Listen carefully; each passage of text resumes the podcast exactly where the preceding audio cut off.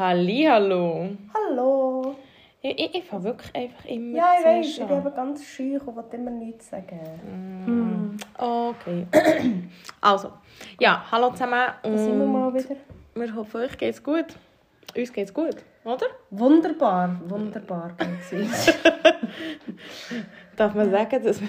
Nein, man darf nicht sagen. Was darf man Dass nicht wir schon wieder mal Alkohol trinken sind. Was haben wir heute? Samstag? Ich habe heute, 4. äh, ab 7. Nein, wegen dem Tag. Und ich Aha. habe heute einen anstrengenden Arbeitstag hinter mir. Gleichfalls. Ja, aber wenn zu dir kommen die Leute Haare schneiden, bei mir Leute an wegen Scheissdreck. Äh, Ja, hast du das Gefühl, meine Leute reden nicht über Scheissdreck? Okay.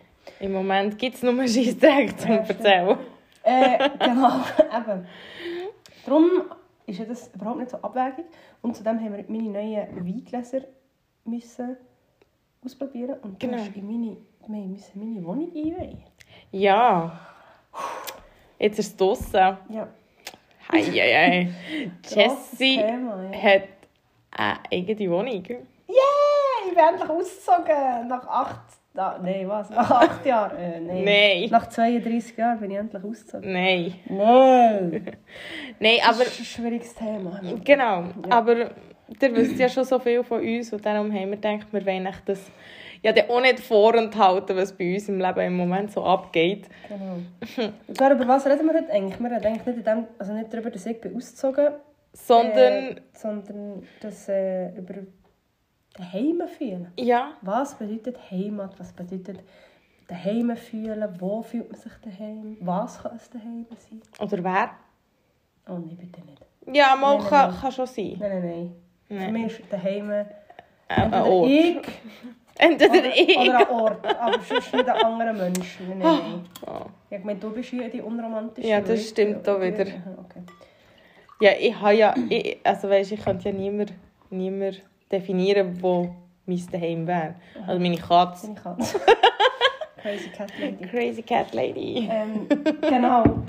Nein, aber wir haben ein bisschen darüber reden, ähm, was, was das so ist, eben das Daheim fühlen und das Daheim sein. Weil, also für mich ist das ein extrem wichtiges Thema auch und ich fühle mich nicht immer überall daheim. Und wenn ich mich mal... Ja, muss wirklich gehen. Ja, Entschuldigung, das Okay, so das ist- langweilig. Das, das Leben interessiert einfach niemand. Dann rede ich halt einfach von mir allein. Ja, nein, ist okay. Nein, aber wir haben wirklich gefunden, wir werden das mal ein bisschen anschauen, wie das eben ist oder wie wir das so empfinden, was für uns ein Ort ist, je nachdem, oder eben, was eine Wohnung ausmacht oder ja, wo man sich halt wohlfühlt und das eben auch ein Gefühl von Geborgenheit gibt in dem Sinn. Ja, und vor allem für mich ist es auch noch recht wichtig, ich habe ja das, die, die an meiner Fotoausstellung waren im August, die wissen das.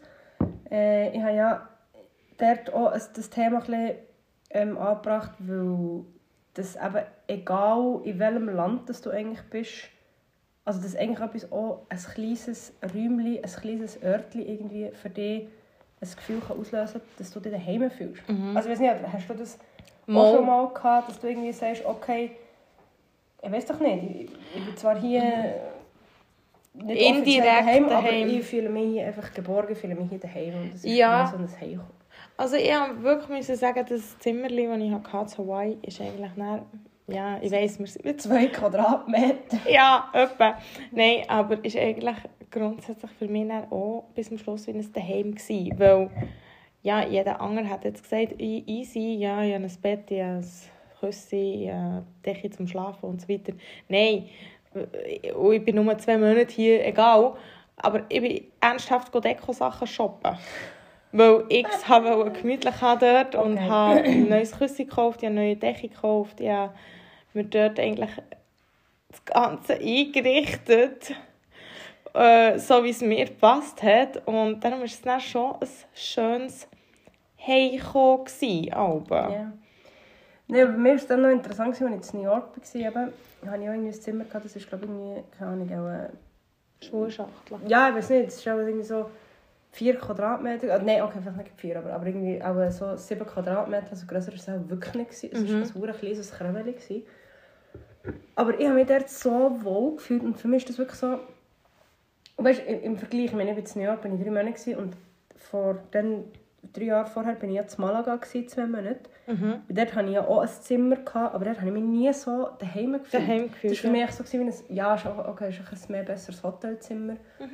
Aber dort in meinem kleinen New Yorker 7 Quadratmeter Räumchen ist echt wirklich so, aber ich habe auch irgendwie so einen Schreibtisch gehabt, den irgendwie so eingerichtet mit schönen Dekosachen. Also nicht Deko, aber mit so echt meine Fotos von daheim und so.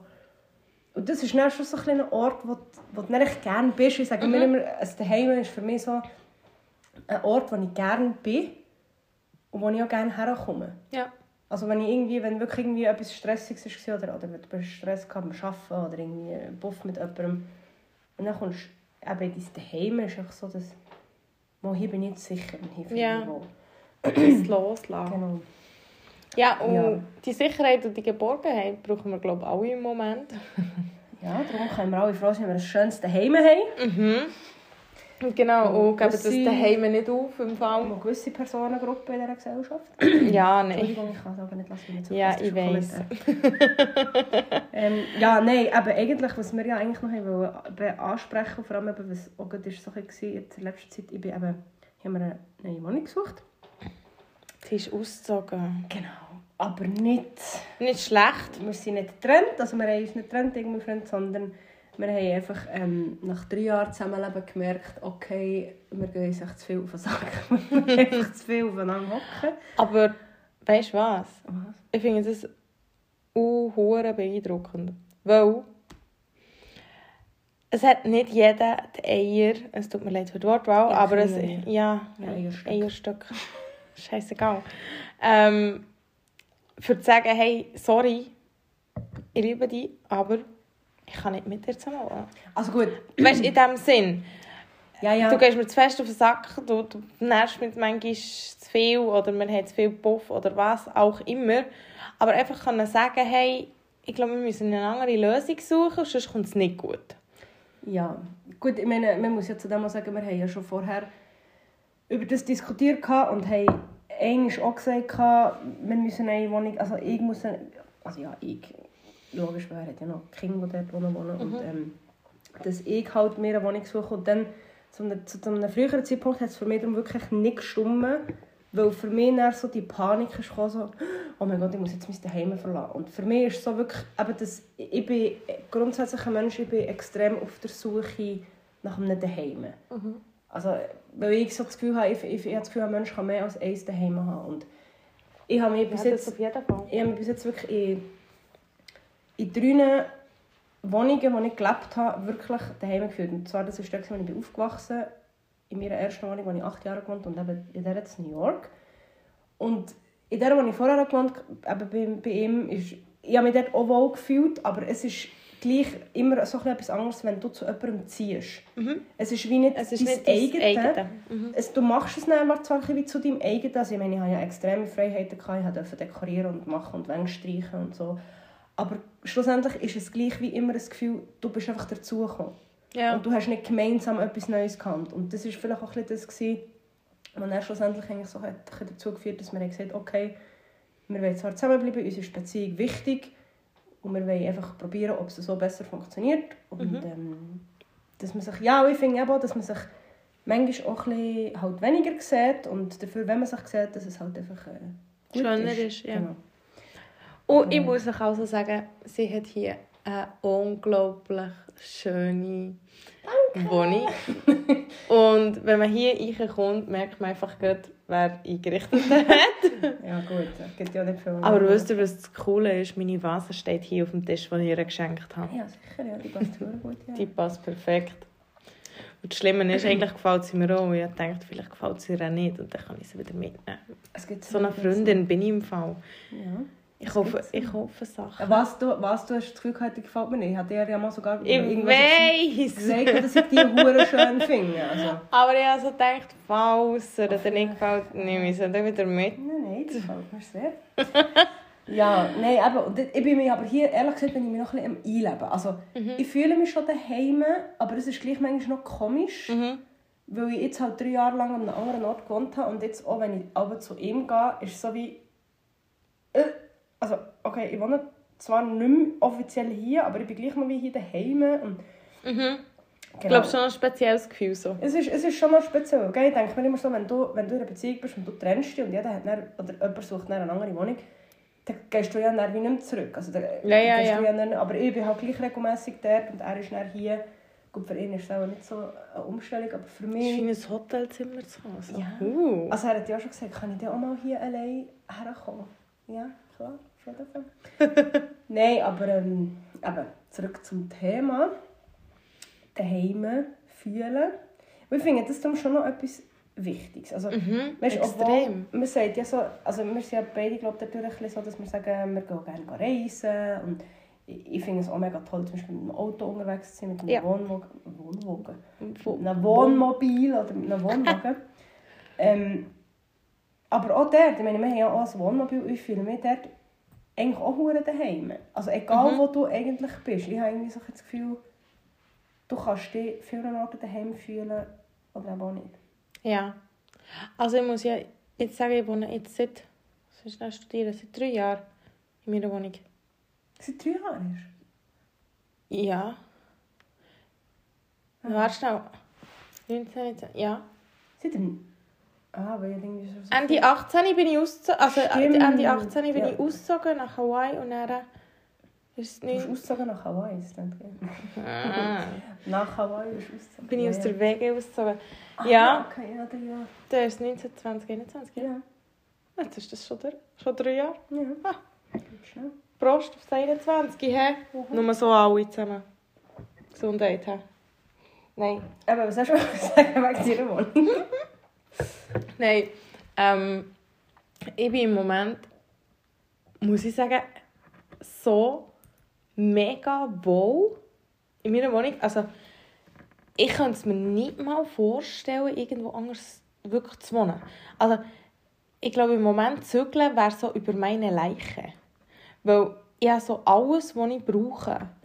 Also, ich habe, ja, jetzt schwer, ich einfach schwer, ich habe drei Zimmer, ich habe Garten, ich habe, Ich habe nur eins. ja, Ich, ich schlafe in meiner Küche.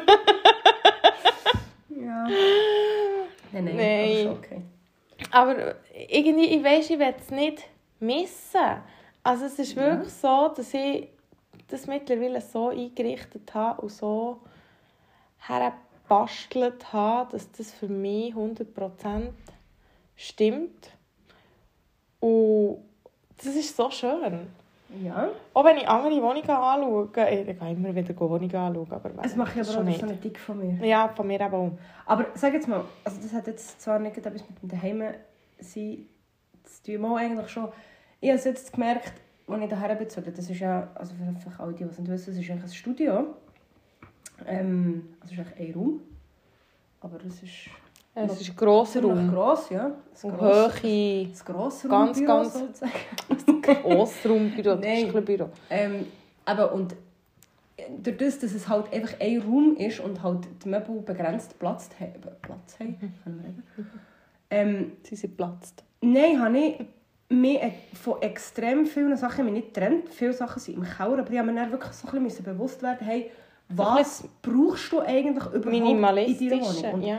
Dass ich jetzt so, also ich meine, ich habe jetzt vielleicht noch vier Tower, vier kleine, vier grosse Tower in meinem Schaft innen und vielleicht vier Gläser. Mhm. Also und irgendwie habe ich so das Gefühl, es, es erleichtert mega. Also es ist noch, ich meine, als ich bei, als ich bei hergezögert habe, habe ich so gedacht, okay, ich habe ja nicht extrem viele Sachen, die ich von, von der Autowohnung mitnehme. Ja. Aber gleich, ich hatte so viel Scheiß, wo ich so dachte, hey, was ich jetzt im Keller habe, und ich habe Angst, dass ich dann irgendwann nach einem Jahr oder so mal runtergehe und denke so, ah, das habe ich ja auch noch, das habe ich ja auch noch. Aber im Prinzip, wenn du jetzt hier schaust, ich habe hier Du alles, alles, was ich brauchst. brauche. Mehr brauche ich gar nicht. Nein, hör auf. Und das, ich meine, ich ja vorher, bevor ich ähm, eben mit ihm zusammengezogen habe, ich ja zweieinhalb Zimmerwohnung gehabt. Und dann hatte ich Wandgeschäft, ein Gogo und äh, Platz und so. Und dann habe ich auch noch sogar so ein, ein, ein begehbares Schuhräumchen, was weiß ich, ist das gewesen. Ah ja, stimmt.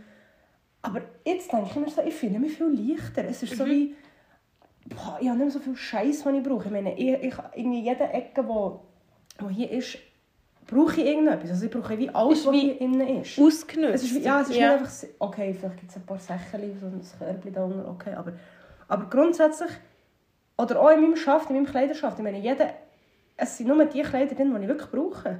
Mhm. Weißt und, und das ist schon etwas... Ich meine, du hast jetzt gesagt, du hast eine Dreizimmerwohnung. Ich meine, ich kenne ja deine Wohnung, aber hast du nicht manchmal das Gefühl, du hast echt zu viele Sachen? Mal, mal, mal, mal, mal, mal. Also das muss ich... Also ehrlich gesagt habe ich äh, mir fast vorgenommen, im Jänner habe ich Ferien. Also die erste Januarwoche, also eine Jahreswoche. Und ich habe mir fest, fest, fest vorgenommen. Ich überkreuze die Finger. Ich hoffe, es funktioniert auch so, wie ich mir es vorgenommen habe. Dass Was ich mischte. Und zwar nicht nur ein klein, sondern alles. Und dass ich mir dort Tag für Tag ein Zimmer vornehme. Und dann schmeißen. Ja. Und einfach nicht nur... Oder mir auch etwas, wo mir vielleicht sehr am Herzen liegt, aber gleich irgendwie nicht brauchen, halt die Kauer achen oder so. Aber das ist eben gefährlich. Ja, ich weiss, also weißt, ich habe schon jetzt mega viel wieder im Keller. Ähm, halt ging noch Sachen vom Open Air Zeugs und mein Keller habe ich einmal, nein, das ist schon im Sommer, habe ich den aufgeräumt. das ist also, Das ist immer so der Moment, holla Wenn die zügelst, wenn du zügelst und dann denkst du so, ah ja, ja, alles zügelt. Und dann plötzlich sagt jemand so, aber es hat doch noch einen Keller gehabt.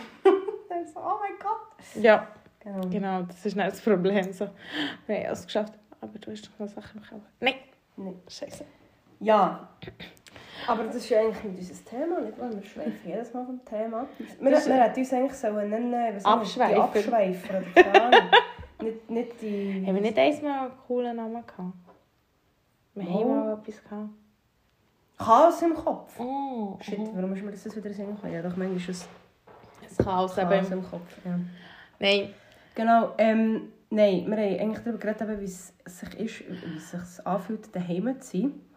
aber... Hast du schon jemals ein Erlebnis gehabt, wo du, mich nicht Ähm, wohl gefühlt habe. nein, wo du an einem Ort bist gsi und du hast einfach so das Gefühl gehabt, ich muss hier weg und ich fühle mich hier nicht wohl und ich fühle mich hier nicht daheim und ich fühle mich nicht sicher. Ja. Erzähl.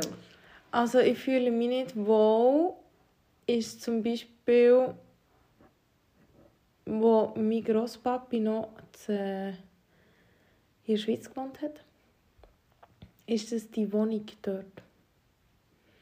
Die Wohnung ist erstens mal mega alt, gsi, dunkel, so ein bisschen, ich würde jetzt mal sagen, so aus den 70er Jahren auch. äh, Weißt, und hat bei jedem Türrahmen hast du wie Tür gehabt und dann oben dran wie entweder ein Glas Aha, ja. oder einfach so grün. So, alles war so, so Aha, das, das ja, grusige ja. Grün. Gewesen. Auch, auch das Badzimmer hat so, wirklich so grusige Blättchen und so weiter. Und ich kann das nicht sagen, aber ich hatte einfach das Gefühl, gehabt, nicht, dass meine Großeltern dann geraucht haben, aber ich hatte einfach das Gefühl, gehabt, dort drinnen ist geraucht worden. Also es hat so wie einen Grundduft gehabt. Mhm. So einen Gestank. Der mich einfach so ein bisschen uh, gedünkt hat. Okay. Und dann haben wir dort immer im hinteren Zimmer geschlafen. Im einen. Und dort bin ich einfach wirklich nicht wohl gewesen, weil ich habe immer eigentlich an der Wand schlafen, weil ich schlafe grundsätzlich immer an der Wand. Mhm. Das ist so mein Gefühl wie ist Sicherheit, das ist ja. Normal, ja. Aber das ist so normal. Und das Problem war aber, dass ich dort mit meinem Bruder schnell im Bett geschlafen habe, weil wir noch so klein waren. Und ich ging an die Wand und mein Bruder ging raus. Und ich musste nachts immer aufs WC. Müssen. Das ist einfach immer so, weiß nicht, das war einfach so. Gewesen. Und dann dort in der Nacht müssen aufzustehen und müssen auf das WC ist immer so ich- Aber weil du Angst hast? Angst und Unwohlsein Okay. irgendwie. Also weißt du so, und ich habe dort auch nie gut geschlafen. Okay. Ja, aber das finde ich noch interessant, weil weißt du, ich finde es, also ich meine, als Kind habe ich ja auch ab und zu, also dort, wo ich bin aufgewachsen bin, habe ich auch Angst gehabt manchmal, aber das ist einfach, habe ich so wie das Gefühl gehabt, das ist einfach so ein kindliches Ja. Ja, es ist so wie normal, dass du als Kind das Gefühl hast, okay, unter meinem Bett wohnt jetzt ein Monster. Ja, das ist etwas anderes, ja. Aber wirklich Ja, so das Unwohlsein, eben, wie du gesagt hast, und, und so das, ich will hier nicht sein und ich fühle mich hier nicht mal, nicht mal sicher im Sinne von, ich habe Angst hier zu sein, sondern einfach wirklich so, es läuft mir so kalt Rücken ab, wenn Ja. ich denke, dass ich hier muss sein. Das habe ich, Ja. das habe ich auch mal gehabt, als ich, als ich in New York war. Wo ich, nach diesen drei Monaten bin ich zwei Wochen, bin ich dann, ein halbes Jahr später bin ich nochmal zwei Wochen gegangen und dann habe ich dort ein Airbnb gebucht. Und ja, klar, weißt, man sagt ja, aber ich, ich sage immer so, ob du jetzt in die Ferien gehst, ist vielleicht ein bisschen etwas anderes, als wenn du wirklich fix dort wohnst. Aber ich habe mich auch schon im Hotelzimmer zum Beispiel nicht wohl gefühlt. Oder ich habe mich im Hotelzimmer mega wohl und daheim gefühlt. Ja, Und stimmt dann- wieder. Hatte ich dort ein Airbnb. Gehabt. Und das ist schon, also eigentlich ist es schon, hätte ich schon, hätte ich schon so hellhörig werden, als ich es gebucht habe. Es war irgendwie mit in der Stadt, gewesen, günstig. Mhm. Und ich hatte dann schon so die Alarmglocke läuten, okay. Und dann bin ich dort reingekommen, hey, das war eine Katastrophe. gewesen. Das war auch dann, dann der Moment, gewesen, wo ich eine neue Bettwäsche kaufen Weil erstens, das Zimmer war mega gross, es war eigentlich voll okay. Gewesen. Es ist das, Zimmer, also das Fenster ist so auf die Hauptstraße. Okay, ja, hier ist das grusig, aber es ist super spannend, wenn du auf die Straße runter siehst und Leute kannst beobachten Hey, und dort in dem, in der, in der, es war so ein Apartment mit irgendwie vier oder fünf Zimmern und da hat, ich weiß nicht, ob es Untermieter waren oder ob es so alles Airbnb-Gäste waren, keine Ahnung. Auf jeden Fall hat es dort in diesem Zimmer gemüffelt.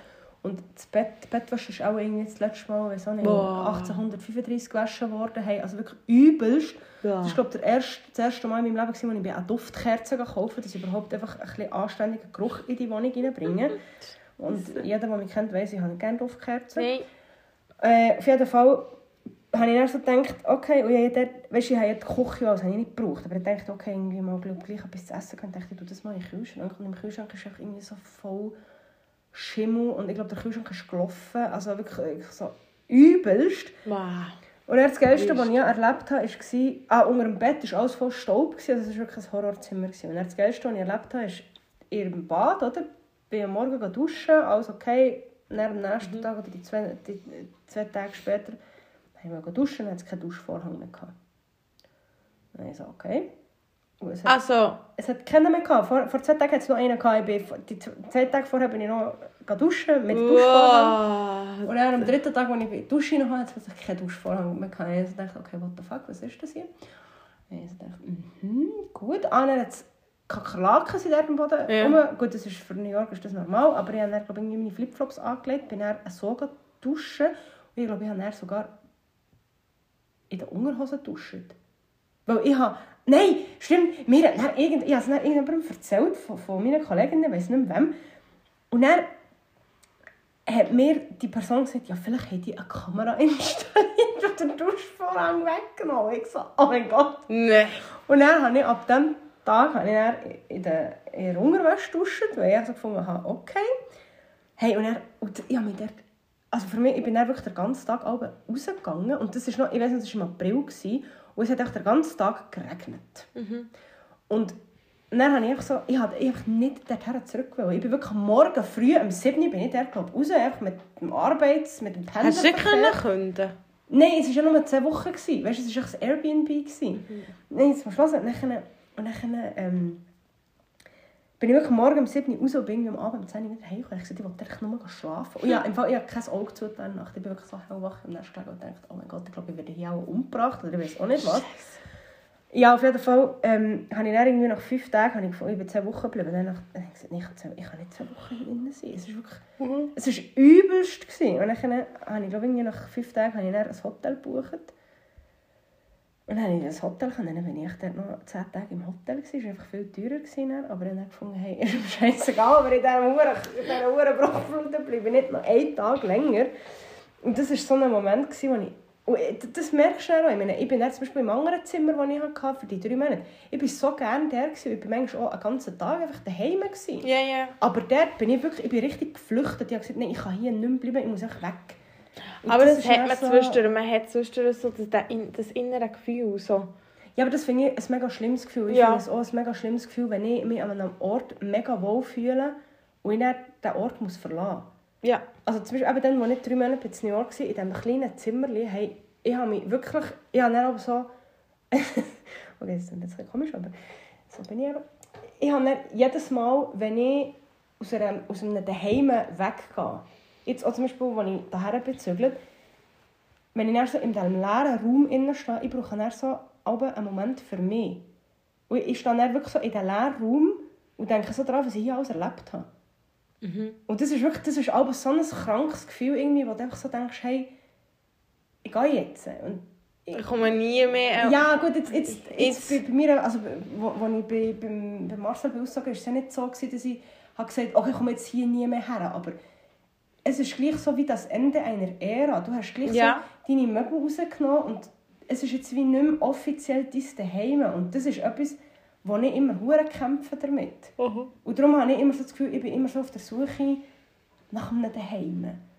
Und ich weiß auch nicht, ich finde, ich finde Daheim, das Wort Heimat oder Daheim sein, finde ich etwas, ist, ist für mich hure ein grosser Stellenwert.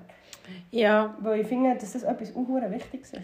Ja, nein, also, weißt ich muss ja auch sagen, ich wohne ja jetzt auch ober meinen Eltern. Und, Also unter deinen... äh, ja, und meine Eltern wohnen oben. Ja. Ja. Ähm, und ich weiß nicht, der könnte das vielleicht nicht. Oder der würde sagen, mm, geht nicht. Klar, es kommt immer noch aufs Familienverhältnis drauf an, das auf jeden Fall. Aber ich muss sagen, ich finde das so etwas Schönes. Ja. Und es ist ein bisschen weit, wie wo ich aufgewachsen bin. Also weißt ich habe ein bisschen weit das immer Aber du bist noch... nicht dort aufgewachsen? Mal auch. Ah, ah, okay. Also, ich bin am Kindergarten, bin, habe ich dort gewohnt. okay. Ja, genau. Und es ist halt dann so ein bisschen weit Heimat immer noch. Oder Ja. daheim.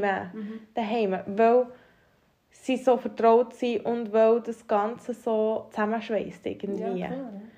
Und da, während, wo wir da Lockdown hatten oder so, haben wir ja einen riesen Weg gemacht in dem Sinn.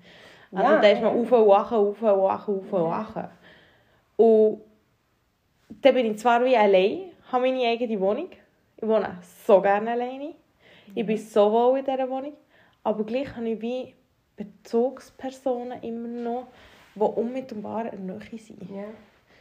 Die so Ja, aber ich sage jetzt eben, wenn du dort aufgewachsen bist, also ich habe das auch, dort wo ich aufgewachsen bin, in Habstetten eben, ist noch krass, ich gehe wirklich viel, also ich bin immer noch gerne dort, auch bei diesem Haus dort, einfach so, dass ich, weil für mich ist das so wie, ist, also das ist jetzt mega dramatisch, aber für mich ist dann immer so, dann ist das Leben noch okay gewesen. Also, Ja.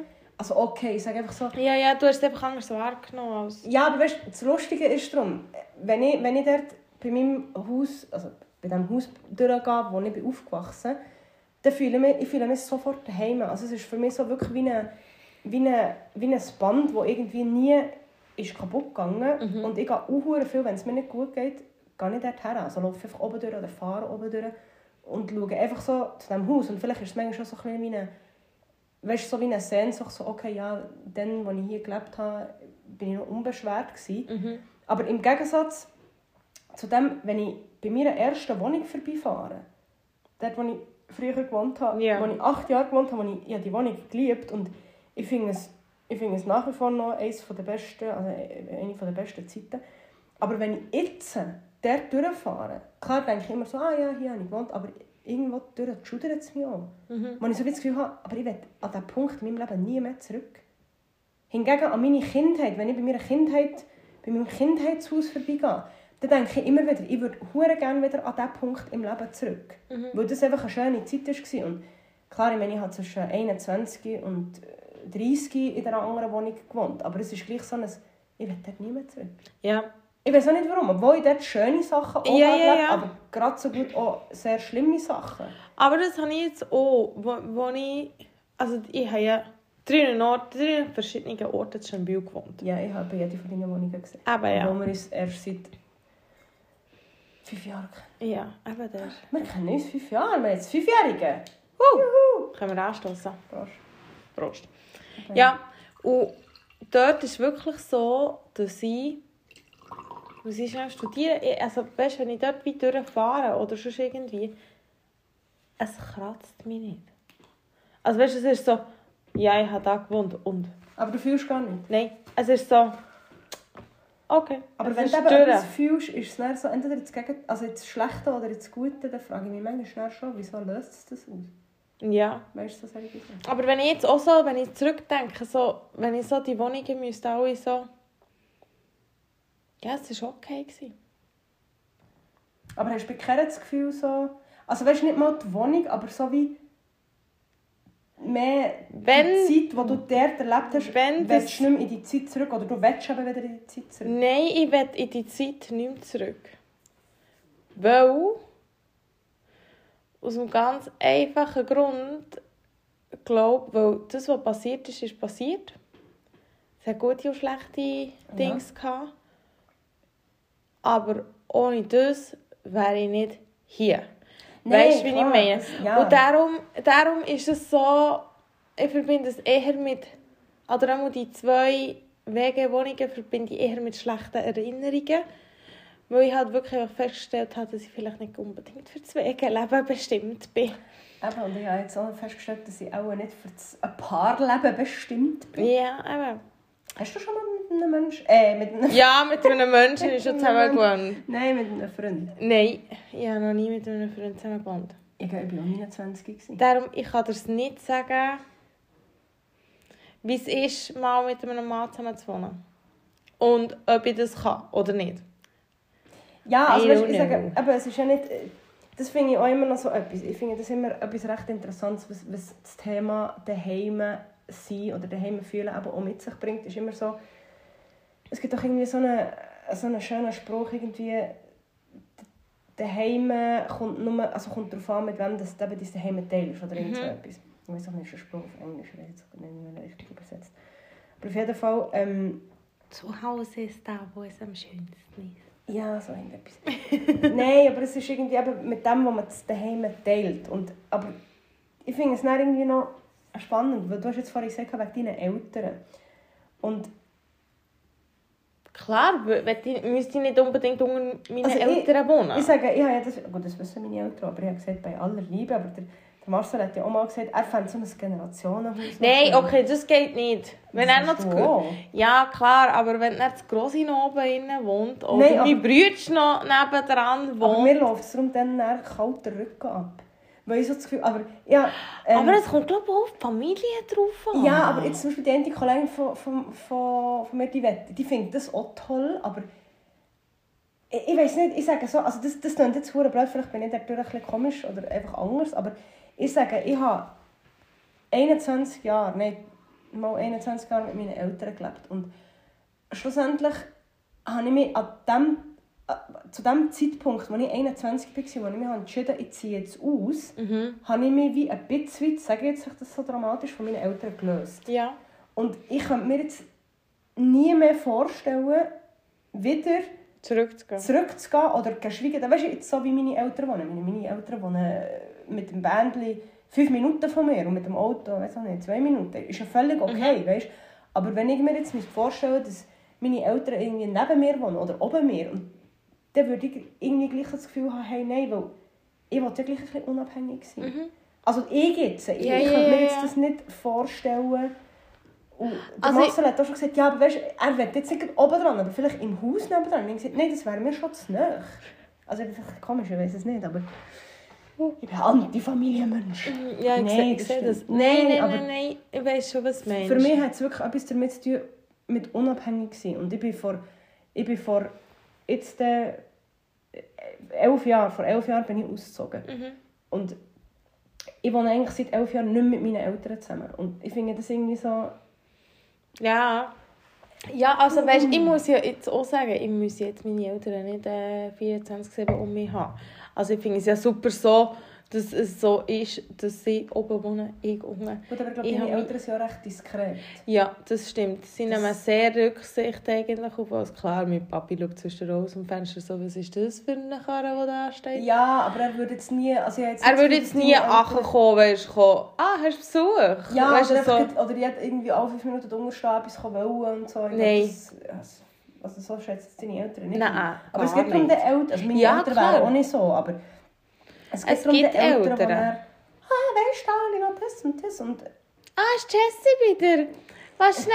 Hey, ich habe mich da noch etwas... Oder mein... mein ja, Mo, das, das werdet ihr jetzt auch noch zeigen. ja, aber Mein- mein Papi auch gerne fotografieren. Ja, er hat, er hat sich... Er hat sich ein neues, ein neues Objektiv gekauft. Das Weihnachtsgeschenk hat er sich gekauft. Ah. Und das, das hat er mir heute Abend, bevor ich zu dir bin, noch vorgeführt. Und dann habe ich eben gesagt, dass ich dann zu dir gehe. Und dann er so, ah, mega cool. Ja, sonst muss ich dir das an Jessie eben dann. Soll ich Also, soll ich mal mit ihrer analogen Kamera mit Also, Bildern bekommen? ja, aber da hat er darum auch Ja, Freude. ich kann es mal mitnehmen. Weil, äh, eben, da, da wäre er jetzt definitiv, wenn bei mir wärst, gewesen, wäre er selber Ja, aber das finde ich, schon- zeigen. das finde ich aber ist etwas anderes, weil das ist dann so ein gemeinsames Interesse und das finde ich wie... Aber das, das finde ich eben auch schön. schön, dass sich meine Eltern für meine Freunde interessieren. Ja, aber jetzt zum Beispiel meine Mom hat ja auch schon manchmal gesagt, ah, kann ich die Jassi mal fragen, weißt, was sie meint wegen einer neuen Frisur bei mir, was mir wird stehen und so. Ja. Aber dort ist ja wie etwas... Das ist dann auch... Aber das finde ich eben Aber nicht einfach so, und Mädelsabend, was macht ihr? Kann ich auch dabei sein? Ja, so, genau. Ja, ja, so, ja, so. cheers. Ja, genau. Also weißt Ja, voll. Nein, das finde ich dann so... Und es gibt ja den...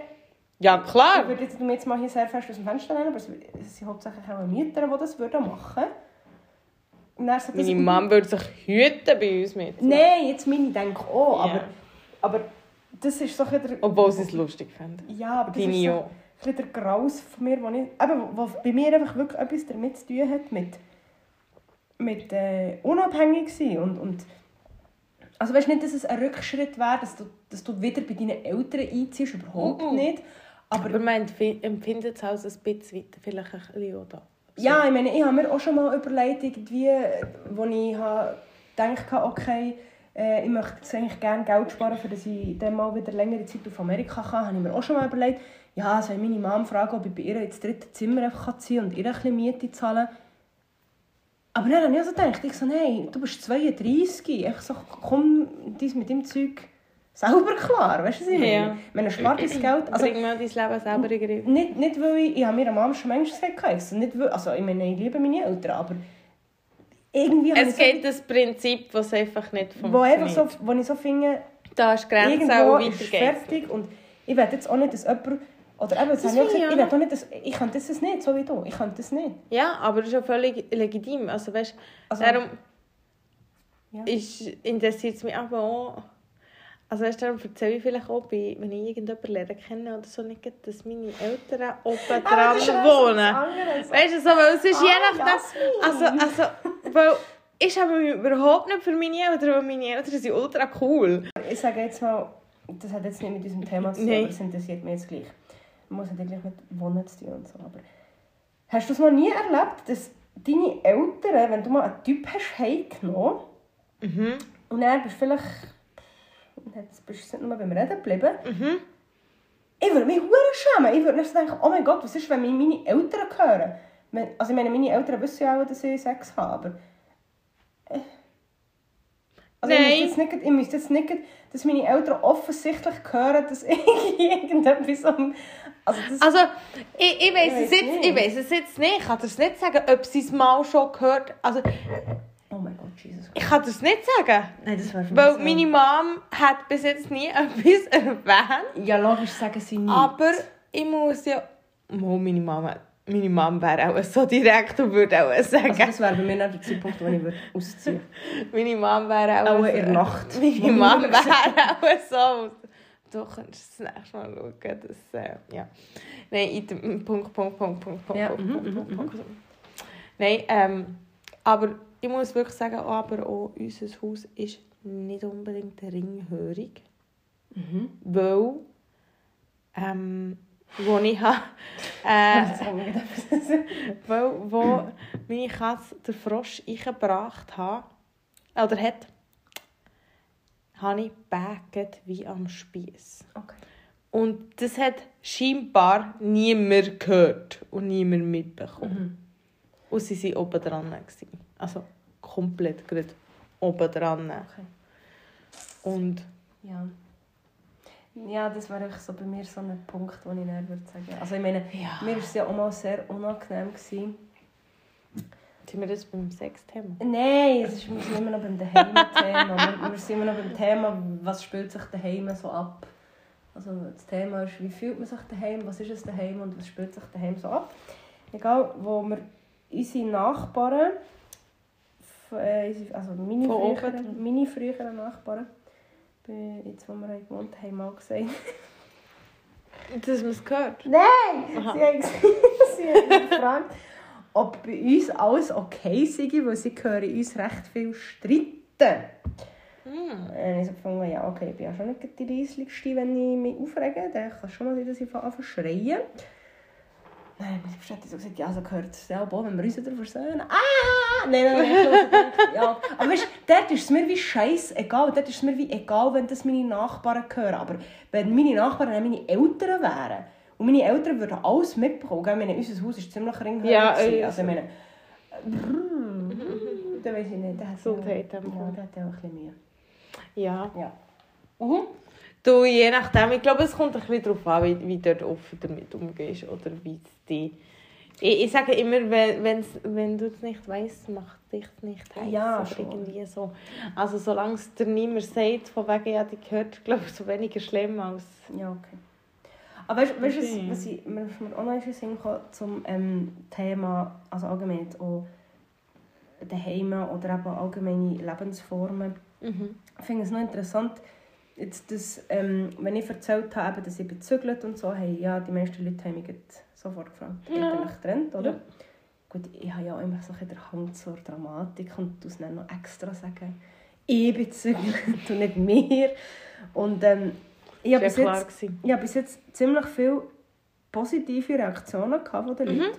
Also wo sie wirklich so sagen, hey, eben, sie finden es mega cool, dass wir ähm, nicht einfach aufgeben und so. Und dann haben wir auch so überlegt, weißt, für mich war es so immer so, gewesen, ja, wenn man doch zusammen ist, muss man doch zusammen leben. Ja, ja, so das Klischee-mässige halt einfach. Aber-. Schlussendlich habe ich dann auch so gefunden, hey, ähm, es gibt so viele Lebensformen, eben sei es jetzt, Mhm. ob du jetzt dein Daheim hast mit deinen Eltern zusammen oder oben deinen Eltern, unter deinen Eltern oder weiß doch nicht, oder Mhm. ob du, zum Beispiel der eine, der mit mir gebügelt hat, mir erzählt, er hat äh, eine Kollegin, die ist mit ihrem Mann geheiratet, aber die wohnen nicht zusammen. Ja. Also weißt du, ich finde Ja, so, wie, ja. aber ich finde so, daheim sollte einfach etwas sein, Also meine was für Grosseltern dich stimmt. wohnen ja jetzt auch nicht zusammen. In diesem Sinn. Also meine Ah, Grosseltern... Ja, aber gleich. Er, die können auch nicht zusammen wohnen. Er wohnt in Spanien, sie wohnt sicher nicht auf Spanien. Ja, Und sie wohnt hier und er will sicher nicht hier bleiben. Aber, aber ich finde das dann gleich, ich finde das dann gleich, dass du dann kannst sagen, okay, Sie geht ihn dann besuchen und er geht sie besuchen. eben ja. Fertig, Schluss, basta. Voll easy.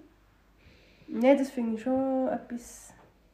Ja, eben, dass, man, dass, man, dass halt jeder sein Daheim so... Oder jeder definiert, was für ihn daheim ist. Ja, so, so, so kann gestalten, wie es für ihn am besten stimmt und so. Und das ist Ja. einfach sehr wichtig. Vor allem eben gerade auch jetzt, in dieser Winter, kalten Winterzeit. Aha.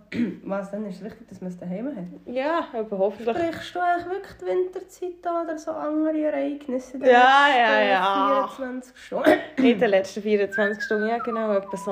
Der, Eben, ja, wir haben schon wieder zu viel geredet. Also, ich glaube, wir haben gelernt in dieser Folge. Es tut uns auch so leid. Wir haben eigentlich wirklich gedacht, wir wollen ein etwas über das Daheim-Sein erzählen. Mann, wir haben viel erzählt. Ja, aber ich kann manchmal gleich nicht so richtig erklären, was für mich das- der Begriff Zuhause bedeutet. Ja, du fühlst es halt einfach. Und das Gefühl kannst du hier nicht. Ja, ich weiß auch nicht. Es ist bei mir wirklich so... Aber es, es, ich weiß auch nicht, ich kann das nicht beschreiben. Ich sage immer Gefühl... Also, daheim sein kann auch eine Sehnsucht sein. ja. Weißt du, nicht, nicht nach einem Ort. Ja, ja, nein, es ist wie. Nicht, es ist einfach ein Gefühl. Finde, Ein schönes schön- Gefühl. Ein schönes Thema zu Hause. Ja. Vielleicht bin ich auch wurzellos, das kann. Ah, du mit deinen Wurzeln. Ja, das ist auch ein wichtiges Thema. Wir Ich können ein Thema über Wurzeln Haben machen. wir das nicht schon mal gemacht? Wurzeln? Weiss es nicht. Jetzt kommen wir schon alles gemacht haben. Übrigens, ah, das haben wir schon in der letzten Folge gesagt, wir müssen jetzt eine, eine, eine, eine, Jubiläumsfolge machen. Schon Ja. Mensch, ja, letztes Mal gesehen, wir haben, glaube die 42. Folge. Mensch, wir schaffen es noch auf 50, bis wir äh, einjährig sind. Haben Aha, ja. Dann müssen wir einfach ein Gas Wir geben. müssen ein Gas geben. Was- ist jetzt... Ah, das ist jetzt eine äh, Folge, ja. Dann das nächste... Das ist jetzt eine Folge. Ja, aber hoffentlich Ja, ist das okay, ich Folge. rede jetzt nicht mehr wieder irgendwie am Lieren. Im letzten Schluss nicht mehr unseren Podcast. Nein, wir machen jetzt, glaube ich, hier mal wieder Feierabend. Ja. Würde ich mal sagen, weil wir schon wieder lang geschnurrt. Ja, und die Hälfte von nicht. Ich hau weg, komm jetzt an. Also. aber weißt, wenn ich dann oben die Folgen höre, wenn ich allenfalls etwas muss schneiden muss, dann denke ich mir aber so, hey, aber was liert ihr eigentlich den ganzen Tag? Nein, wirklich, im Fall, letztes Mal habe ich irgendwie, letztes Mal habe ich aus Witz, habe ich gedacht, so, jetzt lasse ich mal ein bisschen unseren Podcast. Dann habe ich eine Podcast-Folge von uns gehört. Also das ist ja schon mal sehr speziell, wenn du so deine eigene Stimme hörst. Und dann habe ich einfach so für mich gedacht, was liert ihr eigentlich? Ich meine, hört das wirklich jemand? Ja, anscheinend. Okay. Also. Also, merci für euch, die so treu sind und uns zulassen. Ja, weil wir Wir haben euch gerne. Ja, genau. Also, Also, schlafen gut, gute. Nacht, äh, keine Ahnung, guten Morgen, guten Start den Tag oder wenn ihr so immer hört. Also, tschüss!